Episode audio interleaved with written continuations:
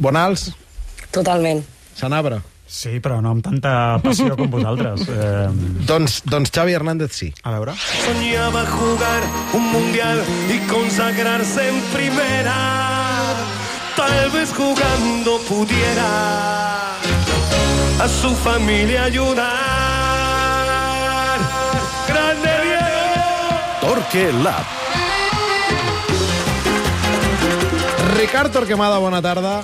Bona tarda. Bé, eh, tu ja has abraçat, vaja, tu gairebé diria que tot l'equip de, la, de la TDT va, cla- va quedar clar divendres que heu abraçat el feminisme, però la qüestió important és que Xavi ja fa temps que el va, que el va abraçar. Mm. De fet, ara ho dèiem, que, que va ser ell qui, qui va decidir tenir-lo en dinàmica de primer equip, quan era un jugador amb qui, per exemple, no havia comptat el Barça B la, la temporada passada. De manera que la pregunta és, pel laboratori, què enamora de Fermín a Xavi?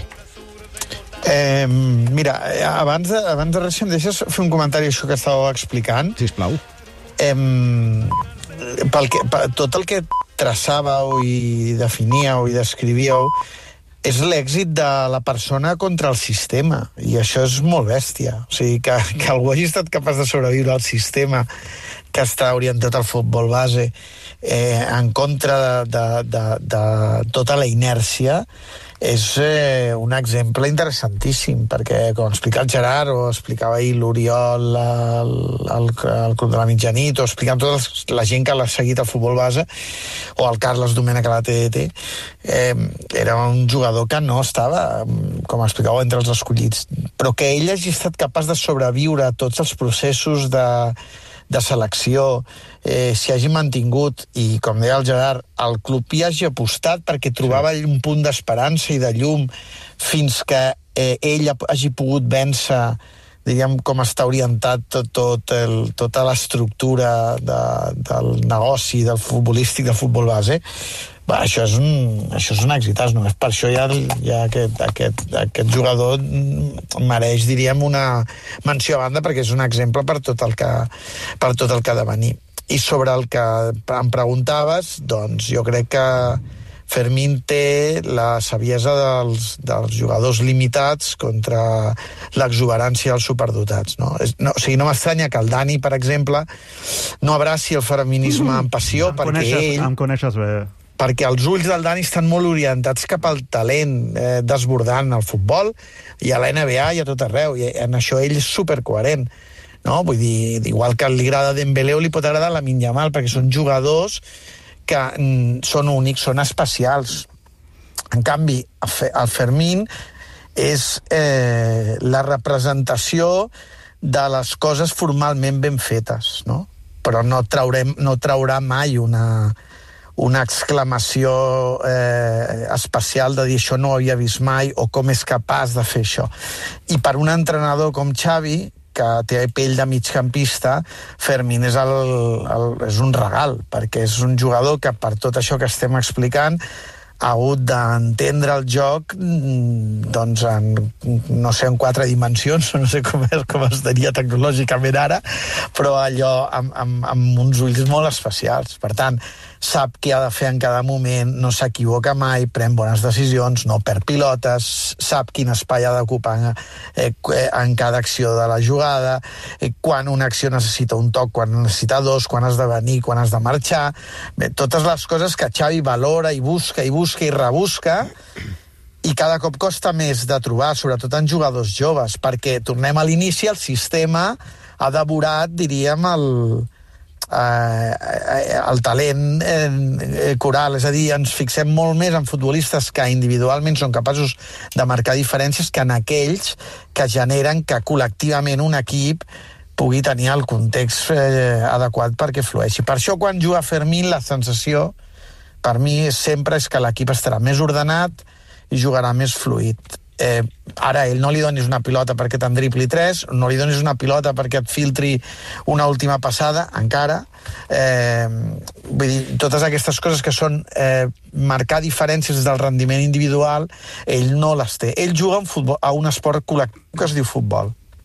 Mm. -hmm. Clar, però uh, jo ho deia abans i no, no, no vull tenir cap, cap raó, eh, perquè a més crec que Rafinha la els primers 35 o 40 minuts que va jugar crec que ho estava fent bé i probablement estava sent el, el, el més clarivident del Barça, però a mi em fa la sensació, i, i això potser no té només a veure amb Fermín, sinó amb la pròpia dinàmica de, de l'equip. Però a mi em sembla que la segona part, amb un migcampista en lloc d'un davanter fent de el que fos que estava fent Rafinha, mm. no sé, mitja punta o... Mm. A mi em sembla que la cosa fluïa bastant, bastant millor. No mm. necessàriament vol dir que hi hagués més ocasions de gol, que probablement n'hi va haver sí. més a la primera part de clares que a la segona però és que Fermín dona continuïtat, Fermín et fa una passada més.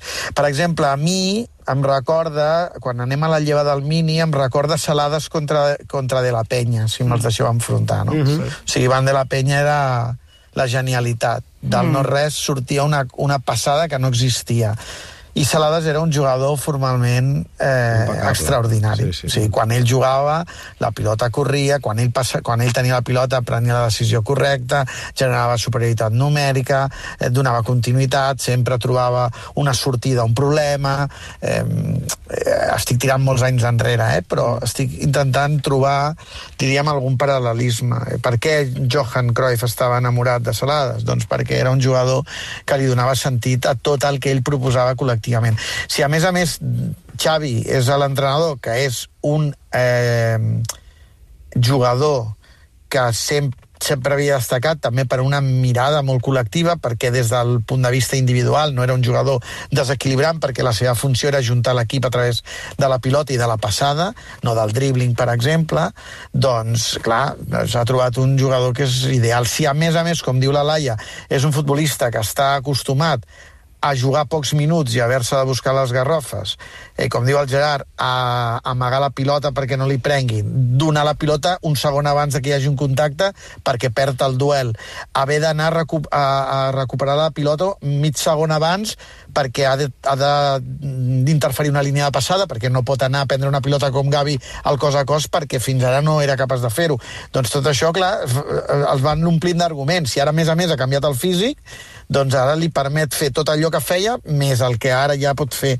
Mm, eh, és a dir, ha anat a totes les classes, no s'ha perdut ni una classe, de totes les assignatures que es proposaven, i Xavi ara es troba i, i veu que aquí hi ha un alumne avantatjat eh, que domina tots els registres per jugar de migcampista al Barça, al futbol que ell vol i que troba tan a faltar o que troba tantes dificultats ara per, per encaixar en, en perfils més moderns. La situació d'emergència que té el Barça està provocant que probablement veiem més jugadors del planter que en d'altres eh, situacions eh, no veuríem. En aquest cas, eh, doncs per la valentia de Xavi probablement, que va apostar i ha apostat per aquest eh, jove futbolista que, com dèiem abans, no està entre els escollits. Però jo et volia preguntar, Ricard, aleshores, quin futur li veus? Perquè en, en, en el Barça mm. hem vist sovint jugadors que la primera impressió que hem tingut tots plegats ha estat molt bona i després mm. han tingut un recorregut més o menys llarg. Hi ha hagut jugadors que s'han consolidat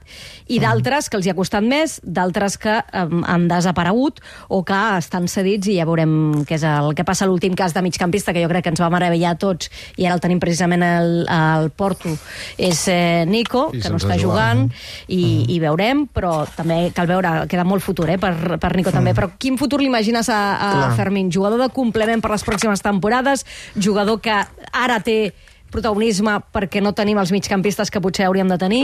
De, dependrà una mica de les necessitats del, de, de qui s'assegui la banqueta o de qui dirigeixi el rumb esportiu, perquè, clar, això és molt difícil endevinar-ho, no? I l'Aix era una, un perfil absolutament diferent, radicalment oposat, eh, representa que un migcampista modern amb un físic, diríem que inigualable havia, i capaç havia de fer... Havia Ilaix. Quina gran decepció. Jo no, eh? I, de, jo tampoc. I, i, no? I capaç de fer altres coses també producte de la seva formació al Barça i no sabem ben bé ni on és, no eh, correcte, no sabem ni on és. Per, per tant, eh, amb sí? això de... Leipzig, no? Leipzig i va... Sí? Està jugant al Leipzig? No, però crec que està com apartat. No, ah, no, no m'atreviria a dir. Eh? Perdona, Ricard, que t'hem tallat. No, no, vull dir que ha desaparegut del mapa, sí, pobre. Sí, sí, sí, eh, no, i jo crec que en el cas de Fermín, mentre el Barça tingui una línia futbolística com la que té ara mateix, jo crec que el seu futur és llarg. Com a actor secundari, doncs sí, però és que ell se sent tan còmode com a actor secundari que és el típic actor secundari que té alguns dies d'actor principal però ja, però, però ja li va bé mantenir el rol de secundari. No t'exigirà un, un, eh, un altre rol perquè no l'ha tingut mai i perquè ha arribat aquí des de, des de l'ombra, no des de la llum del sol.